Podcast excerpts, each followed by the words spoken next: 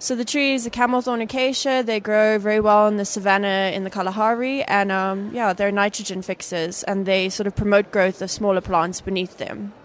So we looked at the sociable weavers, and they build these massive thatch roof nests and live in huge colonies within them, and they also facilitate homes and food for many other birds and animals. Die verhouding tussen die kameeldoringbome en die versamelvoëls het haar belangstelling geprikkel. So we wanted to see what type of interaction, if there was any, going on between the birds and these trees that they nest in. And so obviously the birds are benefiting because they've got this nice tree to nest in. But now what's happening on the tree side? Are they suffering? Are they benefiting? What's going on?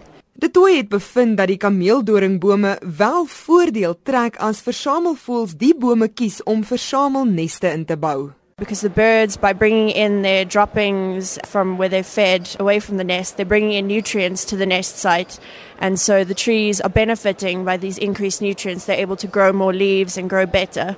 Maar die boom word tot 'n mate ook benadeel deur 'n versamelnes. Because these nests get very heavy, they can weigh several tons, and so their branches start to break when the nests get heavier or older.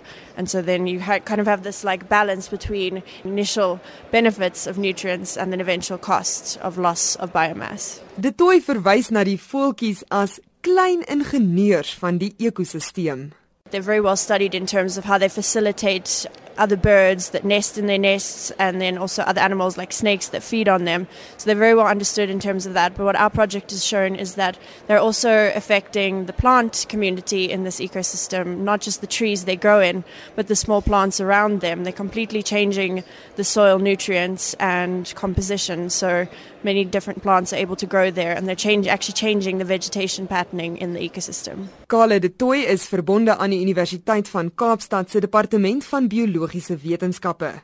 Sy was een van die sprekers by die 7de jaarlikse Oppenheimer de Beers groep navorsingskonferensie.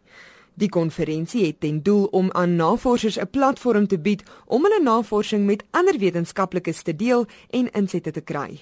Ek is Henry Wondergem vir SAK nuus.